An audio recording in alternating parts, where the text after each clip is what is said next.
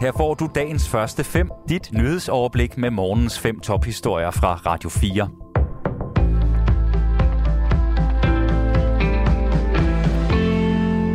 Det er onsdag den 29. juni. Mit navn er Thomas Sand. SAS' flyafgange afgår som planlagt i dag efter, at piloternes strækkevarsel er midlertidigt afblæst. Der er i stedet indgået en aftale om, at tidsfristen bliver rykket med 72 timer. Det oplyser den svenske pressechef i SAS, Karin Nyman, til det svenske nyhedsbureau TT. Overfor den norske avis Dagens Næringsliv forklarer den norske rigsmæler i sagen, Mats Wilhelm Roland, hvorfor der har været hjemmel til at skubbe tidsfristen. Det er fordi, det er komplekse spørgsmål, som der skal findes en løsning på, siger han til avisen ifølge det norske nyhedsbrug NTB. Med den nye tidsfrist vil der ifølge NTB gå nogle dage, før det står klart, om den omfattende pilotstrække kan undgås. Flyselskabets danske pressechef Alexander Kajuchi oplyser i en skriftlig kommentar til Ritzau, at malerne vurderer, at der er mulighed for at nå til enighed om en ny overenskomst mellem flyselskabet og piloterne. Den nye tidsfrist på 72 timer betyder, at vores passagerer kommer afsted på deres planlagte rejser de næste par dage. Det er vi meget glade for. Vi har haft konstruktive samtaler, og malerne vurderer, at der er mulighed for at nå til enighed, skriver hun. Vores håb er derfor, at vi finder en løsning, og at passagererne ikke bliver berørt. Set i lyset af, at forhandlingerne har varet i to uger, gør det ikke så meget, at man nu må tage et træk på yderligere 72 timer, det siger formanden for SAS-fraktionen hos det svenske pilotforbund, Martin Lindgren. Vi har siddet her i to uger og i dag blevet bedt af mailerne om at fortsætte i yderligere 72 timer, og det har vi accepteret. Det kræves nu, at vi begge går tilbage til forhandlingsbordet og virkelig forsøger at blive enige. Vi håber, at det lykkes, siger han til TT. Sverige og Finlands optagelse i NATO vil styrke både NATO og Nordens sikkerhed, det siger udenrigsminister Jeppe Kofod, efter at det er blevet offentliggjort, at Tyrkiet nu støtter optagelsen af de to nordiske lande. Det har enorm betydning for Danmark og for danskernes sikkerhed, siger Jeppe Kofod. Han glæder sig samtidig over, at Danmark er blandt de første lande, der har sagt ja til Sverige og Finland. Det skete enstemmigt i Folketinget, og det viser, hvilken betydning optagelsen har, siger Jeppe Kofod. De øvrige NATO-lande skal nu også godkende aftalen.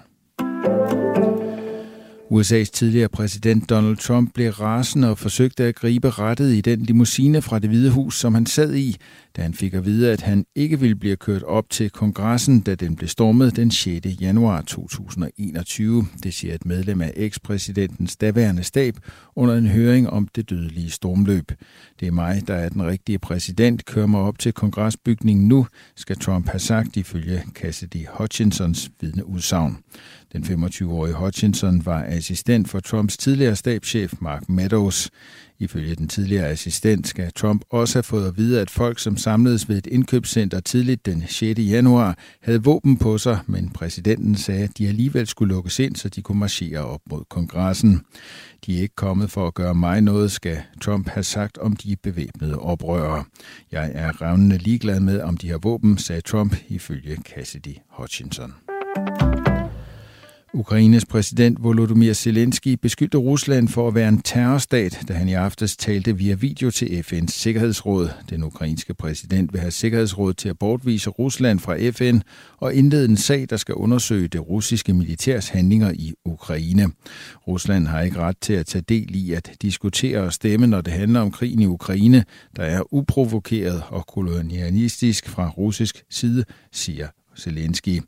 Jeg opfordrer jer til at fratage delegationen fra terroriststaten dens magt.